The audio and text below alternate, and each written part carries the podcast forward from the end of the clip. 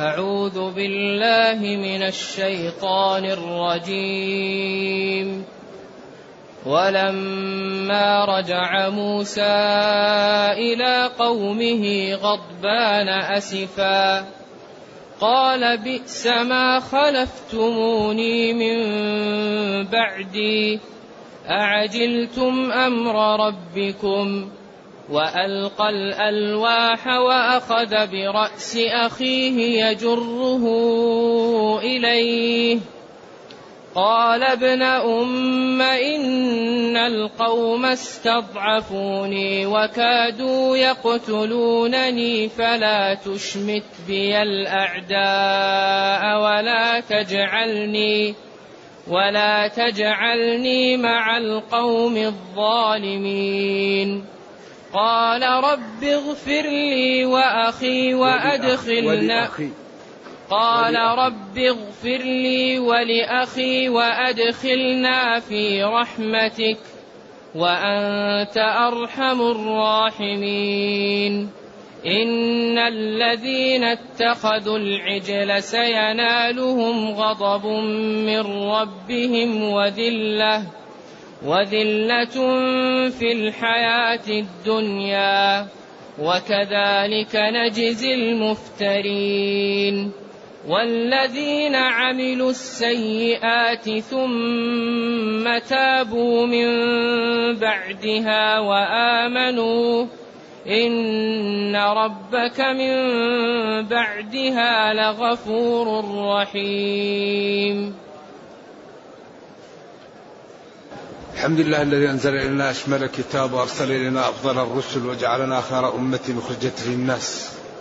ما بعد فإن الله تعالى يبين في هذه الآيات ما حصل بين موسى وبين قومه وفي ذلك إزراء على اليهود الذين كانوا يعيشون بين ظهراني النبي صلى الله عليه وسلم وفيه تصديق بأن النبي صلى الله عليه وسلم مرسل من عند الله.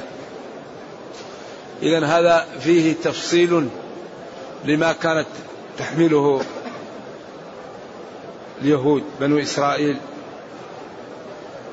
من مقابلة الإحسان بالإساءة المتكررة.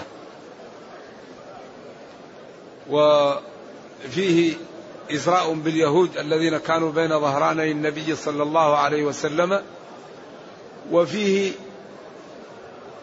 دليل على أن النبي مرسل من عند الله لأنه لا يكتب ولا يقرأ ويأتي بتفصيلات أمور لا يمكن يعلمها إلا من كان عالما إما بنزول الوحي أو بالقراءة والكتابة. فهذه القصص مع ما فيها من تثبيت النبي صلى الله عليه وسلم وتأنيسه وتصبيره وأنه إن كذبه قومه فهو ليس بدعا أغلب الرسل بل كل الرسل حصل لهم ما حصل له فيصبر. وهذا منهج الأنبياء نوع من الطمأنينة والتأكيد والتصبير. يقول تعالى أول الآية أول ما قرأت. ولما رجع موسى إلى قومه لما هي بمعنى حين وهي تجزم إلا انها وتنفي إلا أن ما تنفيه موقع أنه أحيانا يأتي لما يأتي بعد فلان ويأتي. وهنا ولما رجع موسى إلى قومه وحين رجع لما هنا بمعنى حين. لما وحين رجع موسى إلى قومه من ذهابه إلى الجبل لمناجاة الله لإعطائه التوراة أو لتوبته على قومه. هل هما قصتان أو قصة واحدة؟ خلاف بين العلماء لا يحل لأنه لم يرد نص يبين والمفسرون اختلفوا وكل محتمل. فمنهم من قال هي قصة واحدة جاءت يعني عن طريقين وبعضهم قال القصة الأولى تختلف عن القصة الثانية. ذهب أولا ليأتي بالتوراة ثم عبدوا العجل بعده ثم بعد ذلك ذهب ليتوب الله عليهم. وهو ذهب ليأتي بالتوراة فعبدوا العجل ثم بعد ذلك انتقم الله منهم وجعل توبتهم أن يقتلوا أنفسهم. على خلاف بين العلماء ولا نص يبين. وكل ما هو موجود إسرائيليات أو شيء غير مرفوع. إذا وحين رجع موسى إلى قومه من مناجاة ربه في الطور. غضبان. الغضب هو ما تعرفونه. أسفا. الأسف هو شدة الغضب أو الحزن. أو هما معا. غضب غضبا شديدا وحزين لما فعله قومه. ولذلك موسى صلوات الله وسلامه عليه وعلى نبينا صلى الله عليه وسلم. يقال إن بني إسرائيل كانوا يختارون هارون عنه لأن يرون أن هارون يعني يلاينهم وأن موسى إيش يأخذهم بالقوة والحزم. لذلك قال خلفني في قومي وأصلح ولا تتبع سبيل المفسدين. خلفني في قومي يعني قم بإدارة القوم وأصلح. خليك يعني مصلح لا تتركهم يلعبون ولا يعصون. خليك حازم مع هؤلاء. ولا تتبع سبيل المجرمين. هؤلاء مفسدون انتبه منهم. وحين رجع موسى إلى قومه غضبان أسفا في شدة الغضب قال يا قومي غضبان أسفا قال يا قوم يا قوم أصلها يا قومي. والقوم الجماعة بئس فعل لإنشاء الذنب. ما هل هي يعني نكرة مبينة تامة للفاعل المبهم أو هي الفاعل؟ خلاف بين النحويين والروتين أو الأكثر أن الفاعل يعني مستتر وما مبين مميز له بئس هو الشيء خلفتموني. فما كأنه مبينة نكرة مبينة للشيء. بئس ما بئس هو الشيء الذي خلفتموني من بعدي. قيل إن هذا خاطب به أخاه. بئس ما خلفتموني من بعدي في شأن بني إسرائيل. فإنك يعني لم تكن حازما معهم. أو قيل هذا خاطب به كبراء. بني إسرائيل ووجهاءهم أنهم بئس ما خلفوا بعد ذهابه عنهم في قومهم حيث لم يمتثلوا أمر هارون وفعلوا ما فعلوا. أعجلتم أمر ربكم؟ العجلة هو أن تفعل الشيء أو تترك الشيء قبل أن تتممه. يعجل فيه. يعني الله تعالى وعدهم بغفران الذنوب. وبصلاح الدنيا والأخرى وبالفوز وبكل شيء تأتيهم التوراة فيها كل ما يحتاجونه فيعملون بها فيسعدون في دنياهم وأخراهم. فاستعجلوا وخالفوا وعبدوا غير الله. بئس ما خلفتموني من بعدي. أعجلتم أمر ربكم الذي وعدكم بأنه يصلح لكم دنياكم وأخراكم ويأتيكم بالتوراة فيها تبيان لكل ما تحتاجونه فتعملون بها فتسعدون في الدارين. فعجلوا في أمر الله الذي أوعدهم ولم يعملوا به وأخذ الألواح. إيش؟ وألقى الألواح. يعني قيل رماها. وقيل تكسرت والنصوص لا تدل على تكسرها وعلى فقد شيء منها. لكن لشدة الهول رمى الألواح. لأن يعني عبادة غير الله شنيعة عند المتقين. لأن أعظم جريمة عبادة غير الله. خساسة ودناءة وإنكار الجميل وكل ضرر في عبادة غير الله. لأن الله يسدي لك كل خير. ويدفع عنا كل شر. وتروح تعبد غيره لا يوجد جريمة أكبر من عبادة غير الله. لذلك لما رأى موسى هذا هاله الموقف وأخذ الألواح ورماها.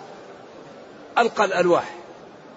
وأخذ برأس أخيه يجره إليه. وبعدين في الآية الأخرى لا تأخذ بلحيتي ولا برأسي. إني خشيت أن تقول فرقت بين بني إسرائيل ولم ترقب قولي. هذا اعتذاري. نهيتهم فلم يعملوا فكففت حتى لا تقول أنت السبب.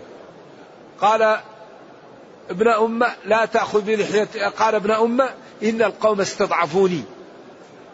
إن القوم بنو إسرائيل استضعفوني. رأوني واحدا وأنت ذهبت عني ولا ناصر لي فاستضعفوني.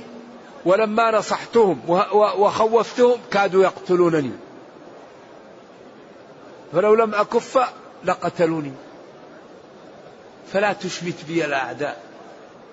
فلا تفعل بي فعلا يفرح أعداءنا لأن شماتة العداء نرجو الله السلام والعافية أن يكون عدوك ينالك من من من المصائب ما به يفرح عدوك. هذه هي الشماتة.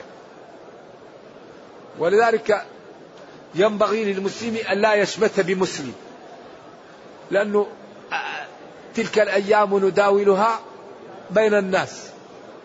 إذا كنت غني عرضة للفقر وإذا كنت صحيح عرضة للمرض وإذا كنت حافظ عرضة للنسيان وإذا كنت قوي عرضة للضعف وإذا كنت حي عرضة للموت.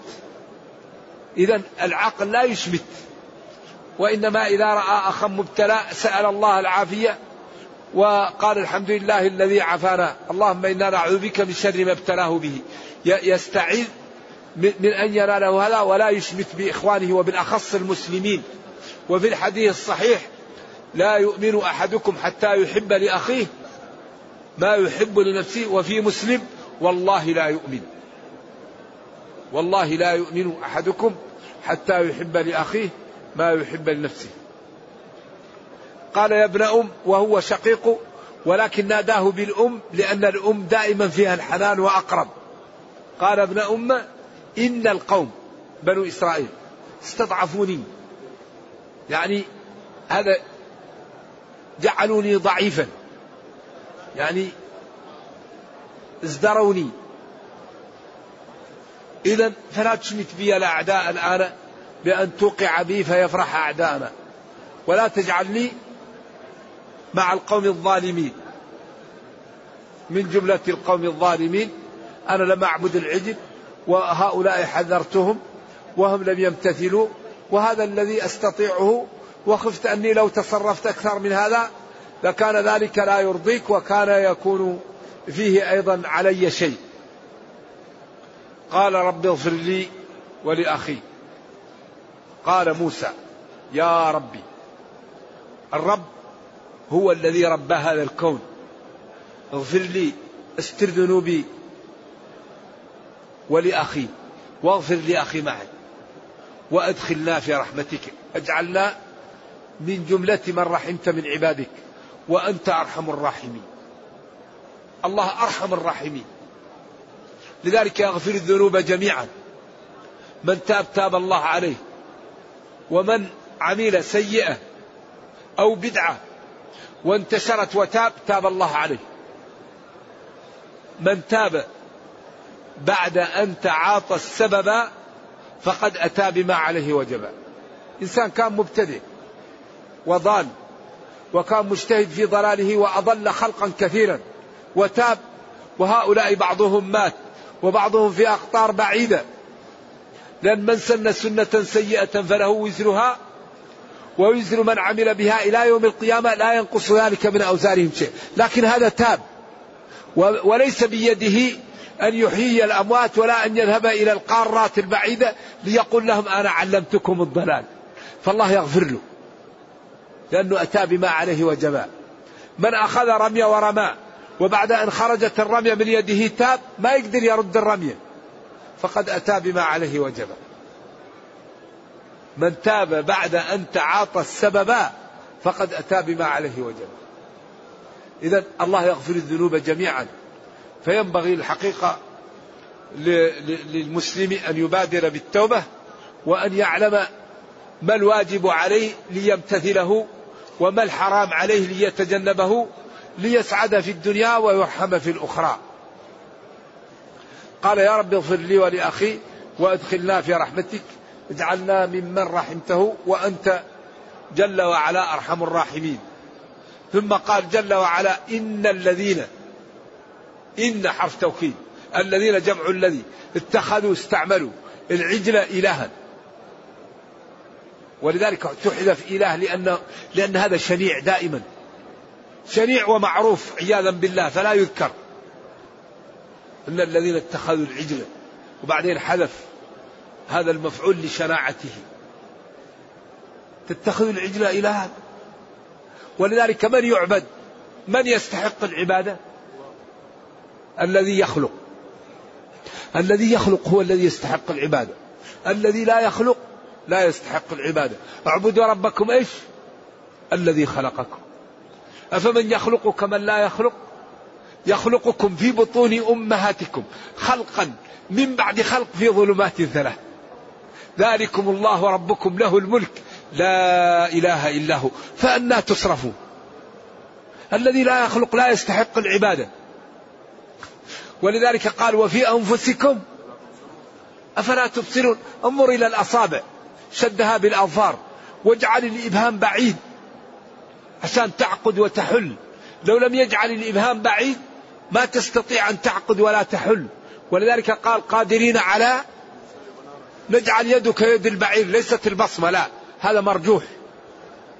قادرين على أن نسوي بنانه نجعل يده مقترنة كيد البعير. ما يقدر يحل ولا يعقد. وأعطاك عين عذبة تجملك على قدر الحاجة. علمه البيان. لحمة.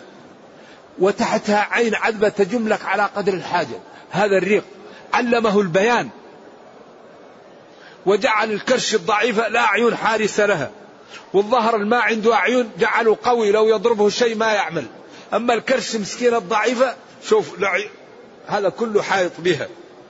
وجعل هذا الصبغ أبيض وهذا الصبغ أسود لا يتغير. وجعل العين دائما مليئة بالماء بعدين ماء مالح. وجعل الأذن هكذا وفيها مادة تنفر الحشرات. لأن العين ما هي مثل الأذن ما هي مثل العين التي تسك أو الفم الأذن دائما مفتوحة. فجعل فيها مادة كل ما قرب منها الحشرات تسرد. وقال له معقبات من بين يديه ومن خلفه يحفظونه. الحفظ صادر من أمر الله. قدرة هائلة. اذا لا يعبد إلا الله. غير الله لا يستحق العبادة. لذلك الذي يخلق هو اللي يعبد. الذي لا يخلق لا يعبد.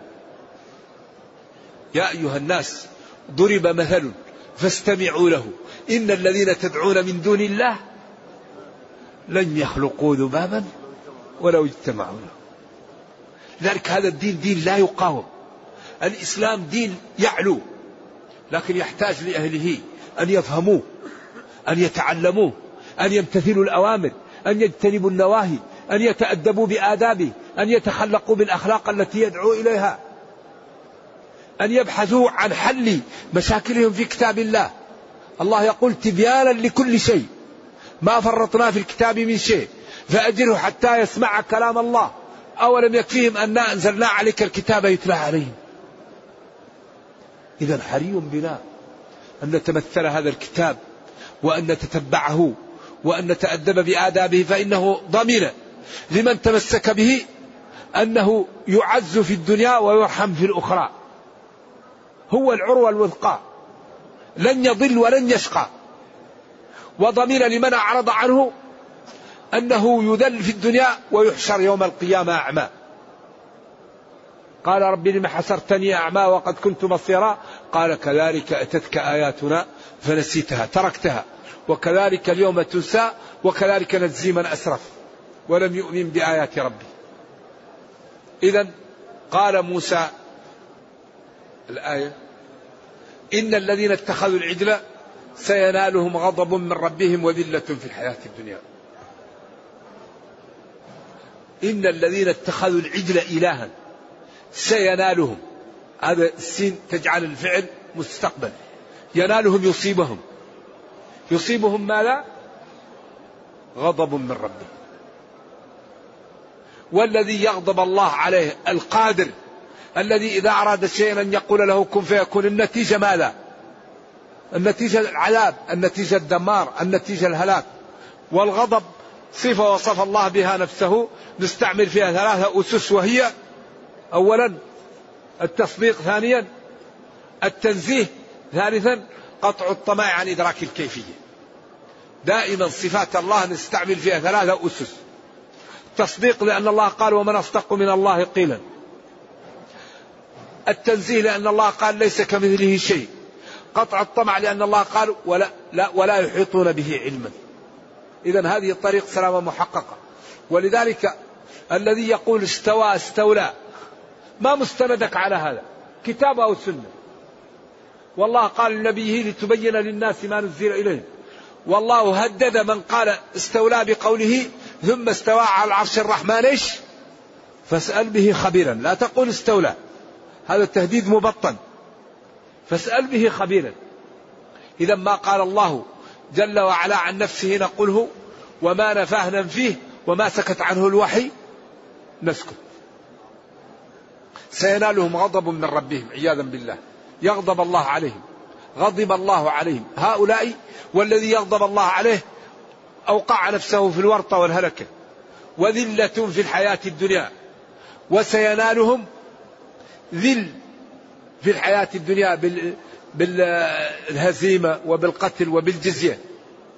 وكذلك نجزي المفترين الكذابين الظالمين الكافرين. والذين والذين عملوا السيئات ثم تابوا من بعدها وآمنوا إن ربك من بعدها لغفور ثم فتح باب التوبة. والذين عملوا السيئات كفر شرك ظلم معصية أي عمل. ثم تابوا من بعد فعلها.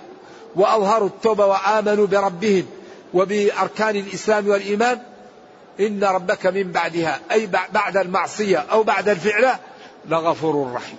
لكثير المغفرة والرحمة لخلقه. وهذا باب مفتوح لمن يريد إيش؟ أن يتوب. فربنا كريم ورحمته وسعت كل شيء. نرجو الله جل وعلا أن يرزقنا التوبة النصوح وأن يتوب علينا ويغفر لنا ويتجاوز عن سيئاتنا. إنه خير مسؤول والقادر على ذلك. وصلى الله وسلم وبارك على نبينا محمد وعلى آله وصحبه. والسلام عليكم ورحمة الله وبركاته. هل إذا وقفت على الصفاء أقرأ الآية كاملة أو أقول إن الصفا والمروة من شعائر الله. هذا الذي ثبت. إن الصفا والمروة من شعائر الله هذا الثابت. وإن أكملتها لا يضر لكن الثابت أظن هذا. لك تقول إن الصفا والمروة من شعائر الله. الله أكبر الله أكبر. لا إله إلا الله وحده أنجز وعده ونصر عبده وهزم الأحزاب وحده. لا إله إلا الله وحده لا شريك له له الملك وله الحمد وهو على كل شيء قدير. ثم تدعو بما شئت ثم تنزل فإذا وصلت إلى إلى العالمين تسرع والإسراع للرجال. ولذلك هذا الذي استدل به الملكية أن سبب سبب النزول ظن الدخول. لأن سبب الإسراع هاجر وهي خارجة عن هذا. ذلك واجزم بإدخال ذوات السبب واروي عن الإمام ظنا تصبي قالوا مثال أن سبب النزول قد يخرج عن القضية أن الإسراع بين العالمين سببه هاجر كانت تبحث عن ماذا؟ عن الماء لولدها وكان عطشا. فإذا نزلت في الوادي غاب عنها فأسرعت فإذا طلعت رأته فمشت سبع مرات. ولذلك أصبح هذا يعني شرع وقال لتأخذوا عني مناسككم حتى نتذكر كيف الله يرحم وكيف هذه المرأة التي كانت في هذا الضيق الله نجاها وأتاها بالماء وأتاها بماء طعام طعم وكيف فعل بها. فلنتذكر كيف الله يستجيب الدعوة وكيف ينجي. ولذلك هذا الحد معالم فيه منافع عظيمة للمسلمين. لو تأملوها وعملوا آه، بها. إذا إن الصفا والمروة من شعائر الله تكفي. نعم. على من يعود الضمير في قوله ولقد كنتم تمنون الموت من قبل أن تلقوه فقد رأيتموه وأنتم تنظرون. إيش ما قبل هذا؟ إيش الآية قبل هذا؟ أيوه. أم حسبتم أن تدخلوا الجنة ولما يعلم الله الذين جاهدوا منكم ويعلم الصابرين ولقد كنتم تمنون الموت من قبل أن تلقوه فقد رأيتموه وأنتم تنظرون. هذا فيه نوع من ال من العتب ومن بيان أن القضية فيها نوع من الامتحان. أم حسبتم أن تدخلوا الجنة؟ ولما يعلم الله الذين جاهدوا منكم ويعلم الصابرين ولقد كنتم تمنون الموت. يعني تتمنون أن أن تنالوا الشهادة. من قبل أن تلقوا عدوكم. أو من قبل أن تلقوا هذا الذي لقيتموه. فقد رأيتموه وأنتم تنظرون. هذا جانب منه يمكن إن شاء الله غدا نزيد لكم الموضوع إيضاح. نعم. هل من قصر بعد الشعر صحيح في العمرة أو في الحج؟ نعم. التقصير يجزئ والحلق أفضل. رحم الله المحلقين. قال والمقصرين. قال رحم الله المحلقين. قال والمقصرين. ثم قال في الثالثة أو الرابعة والمقصرين. فالحلق أفضل والتقصير مجزئ. أجلس. أيوة. نعم نعم يكفي عند الإمام الشافعي. هل يجوز إدخال نية الصلاة منك تحية المسجد وسنة الوضوء بعد تكبيرة الإحرام؟ الله أعلم. ولكن أصلا تحية المسجد لا تلزم إلا لمن يريد الجلوس. فالذي لا يريد الجلوس لا تلزمه تحية المسجد أصلا. هي لا تتعين إلا على من يدخل المسجد ويريد أن يجلس. لأن النبي صلى الله عليه وسلم قال إذا دخل أحدكم المسجد فلا يجلس حتى يصلي فأي صلاة تجزئك؟ صلاة الوضوء صلاة نافلة صلاة أي صلاة تعملها وأنت داخل المسجد تسقط عنك إيش؟ تحية المسجد. إذا إذا إذا صليت أنت نفس ركعتين التي ما توضأ إلا صلى ركعتين. هذه أصلا إذا صليتها تجزي عن تحية المسجد. يقول ولقد آتينا لقمان الحكمة أن اشكر لله ومن يشكر. تفسير ولقد والله لقد أعطينا لقمان الرجل الصالح الحكمة وهي الفهم والعمل به إصابة الرأي والاستقامة في الدين. الحكمة هو الفهم السليم والعمل الصحيح. أن يكون الإنسان يفهم ويعمل بما يفهم. هذه هي الحكمة. لأن الحكمة مشتقة من الحكمة وهي التي تمنع صاحبها من أن يقع في الزلات في المعاصي. فالحكمة هي السنة والحكمة هي فهم القرآن والحكمة هي فهم الكتاب والسنة وصحة الاستنباط وفهم استخراج المسائل والعمل بذلك. كل هذا من الحكمة. لأن الحكمة هو أن يوفق العبد أن يوفق الرب العبد على فهم الشرع والعمل به. هذا هو الحكمة. ما حكم من جاء بالحج وعمرة ويريد أن يهدي العمرة لوالدته والحج لنفسه؟ لا يضر لكن تبقى متمتعا. أيوة العمرة لوالدتك والحج لك وأنت متمتع. نعم. يقول إنه نذر نذرا ولم يوفي به. النذر إذا استطاع العبد أن يوفي به فليؤفي بالنذر لأنك أوجبت على نفسك شيء غير لازم لك. ولذلك العلماء كثير منهم يكره النذر لأن الإنسان يبقى في عافية يوجب على نفسه شيء ليس بواجب. ويوفون بالنذر أوفوا بالعقود. ولا تنقضوا. النهي عن نقض العهد عن عدد فالذي ينر نذر يوفي به. فإن لم يستطع ورد أنه يكفره بيمين كفارة يمين. ورد هذا رحمة بالخلق. يقول إن شيخه لديه التصرف في الأكوان. هذا كذاب. ما في ما يمكن واحد يتصرف في الكون إلا الله. كيف شيخه يتصرف في الأكوان؟ هذا كلام. بأي طريقة؟ قل لا أملك لنفسي نفعا ولا ضرا. الخلق لا يملكون إلا ما أعطاهم الله وهذا كذب ولا يتصرف في الكون إلا الله. نبينا صلى الله عليه وسلم لما قالت هل لك أبو؟ قال والله ما يدريك وأنا رسول الله ما يفعل بي ولا بي. وقال لعائشة إن كنت ألممت بسوء فتوبي إلى الله حتى أنزل الله عليه أولئك مبرؤون وإبراهيم ذبح عجل للملائكة وجعله حنيذ وقدمه لهم فلما لم يأكلوا أوجس منهم خيفة قال ألا تأكلون؟ قال إنا أرسلنا إلى قوم لوط. ولوط لما جاءته الملائكة ضاق بهم ذرعا وقال كلامه المبكي المحزن يا قوم هؤلاء بناتي هن أطهر لكم فاتقوا الله ولا تخزوني في ضيفي أليس منكم رجل رشيد؟ حتى قال له جبريل يا لوط إنا رسل ربك. لن يصلوا إليك. أبشر استريح لا تخاف.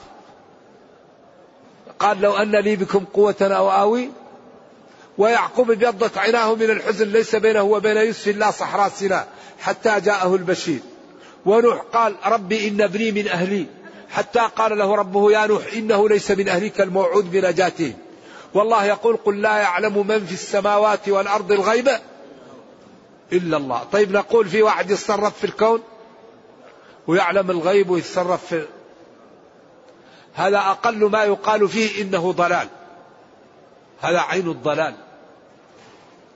لذلك المنقذ من الضلال الكتاب والسنة.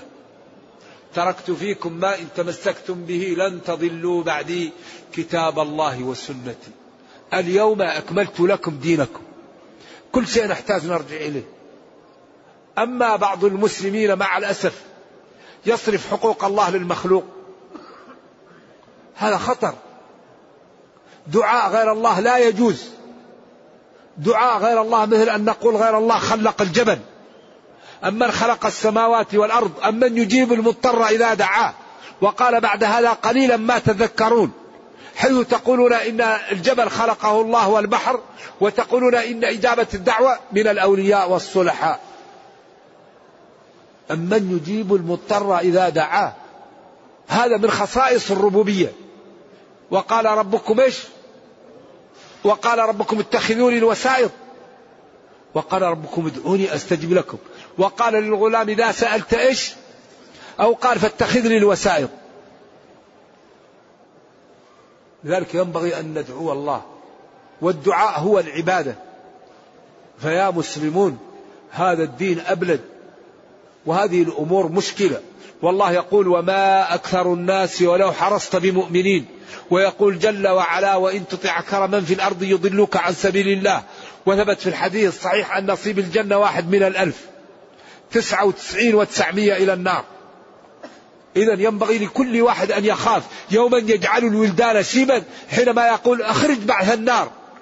يقول وما بعث النار؟ يقول من كل ألف تسع وتسعون وتسعمائة.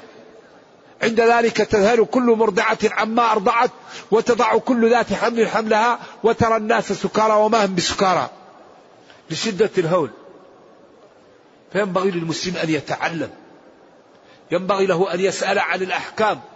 أن إذا قيل له شيء يقول ما دليلك على ما تقول؟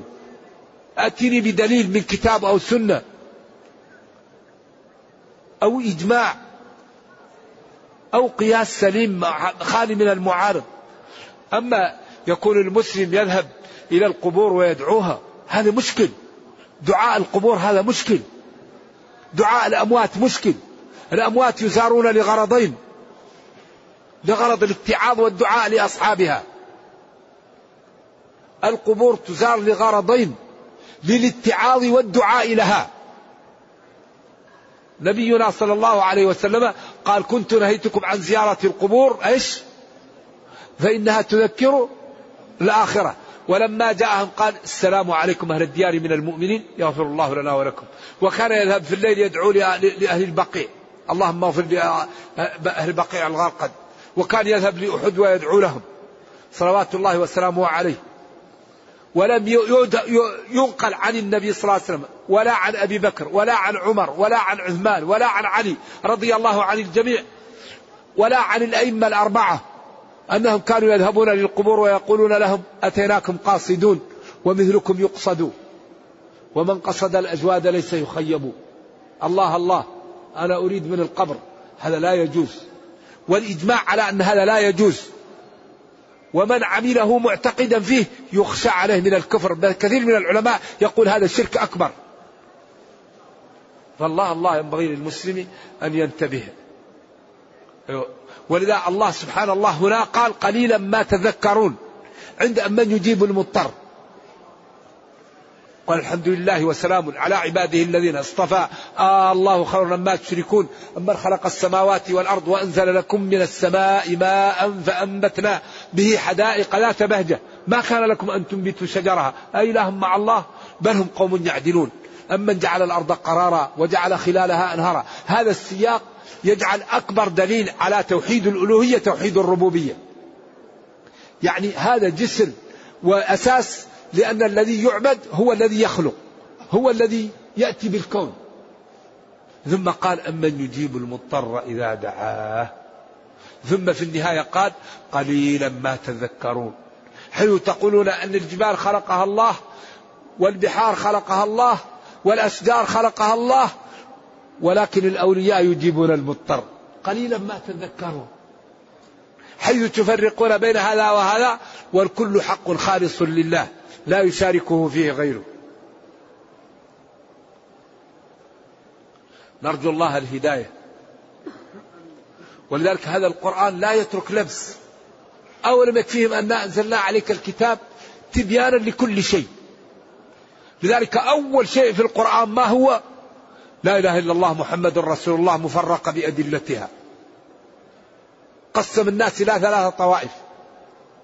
مؤمنة وكافرة ومنافقة. ودعا الثلاثة. وأتى بأول أمر. وأحدث تساؤل ضمني. وذكر خمسة أمور لا يقدر عليها إلا الله. ثم أتى بأول نهي في المصحف. وهذا معنى لا إله إلا الله مفرقة بأدلتها. ثم جاء ببرهان محمد رسول الله عن طريق الإقناع والإنصاف وعن طريق مخاطبة العقول النيرة والأحاسيس الجياشة. فالإسلام موضوع وضع غريب. ألف لام مين ذلك الكتاب لا ريب فيه. بعدين صفاتهم إن الذين كفروا سواء عليهم ثم جاء بصفاتهم ومن الناس من يقول آمنا ثم جاء بصفاتهم ثم دعا الطوائف الثلاثة يا أيها الناس ثم جاء بأول أمر في المصحف اعبدوا ربكم ثم أحدث تساؤل ضمن من هو ربنا الذي نعبد؟ خلقنا وخلق آباءنا وخلق السماء والأرض وأنزل المطر من السماء وأخرج النبات من الأرض. ثم جاء بأول نهي فلا تجعلوا لله أندادا. والحال أنكم تعلمون أن المذكورات لا يقدر عليها إلا الله وهذا معنى لا إله إلا الله مفرقة بأدلتها. ثم جاء ببرهان محمد رسول الله عن طريق الإقناع وإن كنتم في ريب مما نزلنا على عبدنا ما قال فقد كفرتم. قال فأتوا بسورة من مثله. وادعوا حضراءكم وشهداءكم من دون الله. من يساعدكم أدوه فإن لم تفعلوا في الماضي ولن تستطيعوا أن تفعلوا في المستقبل فهناك الخطر ماثل وقد أوعد المكذب به النار فاتقوا النار. هذا دين عملاق الإسلام. لا يقاوم. إلا بماذا إلا بالتجهيل أو عدم السماح للمسلم أن يبين الإسلام. هذا الذي يقاوم به الإسلام. أن يكون المسلم جاهل بدينه. أن يكون المسلم جاهلا بدينه. أو لا يسمح له بأن يبين للناس الدين. هذا الذي يقاوم به الإسلام. فإذا فهم المسلمون الإسلام وبينوه للناس دخلوا في دين الله أفواجا. إذا حري بنا أن نفهم هذا الدين وحري بنا أن نعطيه الوقت وأن نبين للناس جمال الدين في حياتنا وفي سلوكنا وفي صدقنا وفي فهمنا وفي بذلنا وفي دعوتنا لإخواننا بالرفق وباللين وبالطريقة المناسبة كما قال تعالى ادعو إلى سبيل ربك بالحكمة. والله الإسلام دين رائع الحقيقة. هل عشر ذي الحجة هي التي أقسم الله بها؟ قيل ذلك. وأفضل أيام أيام العشر هذه. لذلك البدار البدار بمواسم الخير. لا تضيع علينا. ما فيه أعمال أيام العمل فيها أفضل من هذه الأيام العشر. فنكثر فيها من الاستغفار ومن قراءة القرآن ومن صلة الرحم ومن زيارة المرضى ومن إصلاح ذات البين والذي يستطيع أن يصوم يصوم. هذه أيام العمل فيها عجيب. إلا رجل مشى بنفسه وماله ولم يعد بذلك بشيء. هذا الذي يساوي العمل في أيام ذي الحج. عشر ذي الحج. أيوة هذه الأيام العمل فيها عجيب فلنجتهد فيها. على قدر المستطاع وديننا يسر ولا نضيعها ولذلك الله نبهنا أنه جعل لنا هذه المواسم خلفة وهو الذي جعل الليل والنهار خلفة لمن أراد إيش؟ أن يذكر.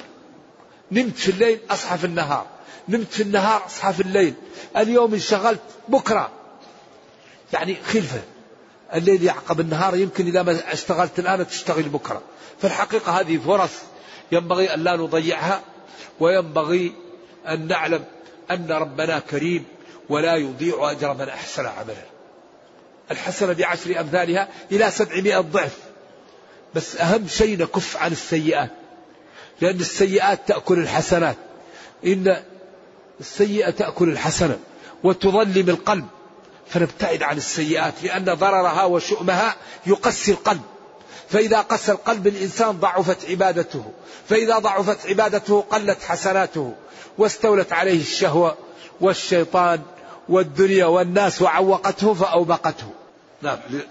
إذا لم يكن متصفا بالسفر يصوم وإذا كان مسافرا فالمسافر الأفضل له الإفطار لأن الرخص أفضل إتيانها. نعم. هذا ما عرفته هل يجوز للمحرم أن يحلق لغيره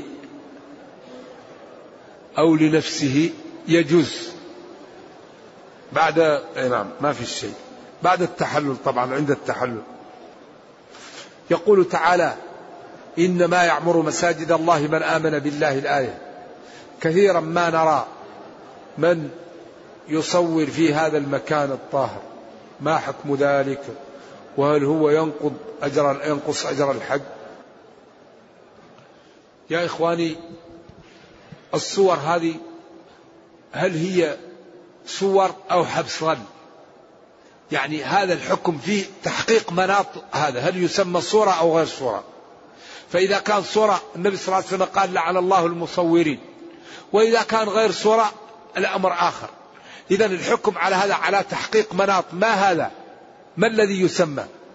يا ليتهم سموه حابس الظن ولم يسموه المصور. لأن التصوير فيه وعيد شديد. لعن الله المصورين فليخلقوا حبة فليخلقوا شعيرة وليسوا بفاعلين. وأنا أؤكد أن الواحد إذا لم يصور ووضع في القبر لا يأتيه عزرائيل ويقول له لما لم تصور؟ إذا وضع في القبر وما صور يقال له ليش ما صورت؟ إذا ما دامت القضية ما هي واجبة ولا هي السنة ليش نفعلها؟ وفيه من الناس من يقول لا تنبغي. إذا والاحتياط في أمور الدين من فر من شك إلى يقين.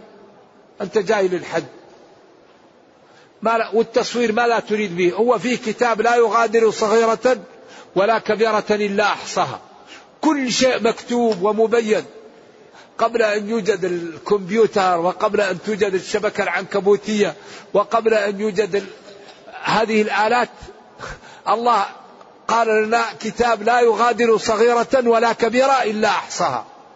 وإذا قال ما فعلت يده تقول فعلت يوم كذا. يوم تشهد عليهم ألسنتهم وأيديهم وأرجلهم بما كانوا يعملون. وقالوا لجلودهم لما شهدتم علينا؟ قالوا أنطقنا الله أنطقنا الله. هذا الآن ما كان يفهم كيف هذا يقع. الآن أصبح هذا واضح لكن الله تعالى قدرته فوق ما يتصور. فإذا أنت تريد تسجل شيء هو مسجل. تريد تكتب شيء هو مكتوب. تريد تبين أنك حجيت هذا مبين مكتوب كل شيء. بعض الناس يريد أن يرى شوف أنا في الحج شوفني أنا في الإحرام شوفني أنا في الحرم شوفني. أنت حاج لله وللناس. وإذا حج الواحد يقول له إذا ما قلت له الحج يقول لك عجيب. يا أخي أنا حاج. طيب أنت حاج لي أنا أو لربك؟ كثير من الناس إذا حج ولم تقل له يا حاج يغضب مثل الذي يحمل الشهادة ولا تقل له هذا يغضب. مشكلة هذا. وكأن الأعلام راحت إذا فعل هذا. لا ينبغي الحقيقة. ينبغي الإنسان يحج لأجل ينال الأجر. وكل ما كانت العبادة مخفاة كل ما كان أجرها أكثر. ولذلك ومن الذين يظلهم الله ورجل تصدق بصدقة فأخفاها. أيوة حتى لا تعلم شماله ما أنفقت يمينه. يعني يخفي. وكل ما كان العبادة خفية كان الأجر أكثر. ولذلك رب رجل مدفوع بالأبواب لا يعبأ به لو أقسم على الله. إن كان في الساقة كان في الساقة وإن كان في الحراسة كان في الحراسة. إن شفاعة. وإن, وإن استأذن هذا ليش؟ لأن هذا لا يعمل إلا لله. ما عنده إلا الله ما عنده إلا الإخلاص. أما أي واحد منا الآن يقول له يا أخي بلاش العمل. لأن هذا قصد الله قصد الدين. لو أقسم على الله لأبره إذا هذه الأيام الحقيقة أيام العمل فيها أجر كثير نكثر فيها من الخير. ونحن على موسم وفي أيام حج. هذه الأيام أيام حج. هذا الشهر أشهر شهر الحج وشهر حرام. فالحقيقة نجتهد في الطاعة وفي عمل الخير ونرفق بإخواننا ولا نؤذي. ضعيف نرفق به. لا نزحم الناس ولا نأذيهم. إذا جاء واحد يريد أن يأذيني نترك له الطريق. والواحد يتأدب مع إخوانه ويرفق بهم ويعلم أن الأجر الكثير ينال بالعمل الطيب. وحسن الخلق ينال صاحبه درجة الصديقين. ما في شيء يكثر الحسنات مثل حسن الخلق. وهو بذل المعروف وكف الأذى وطلاقة الوجه.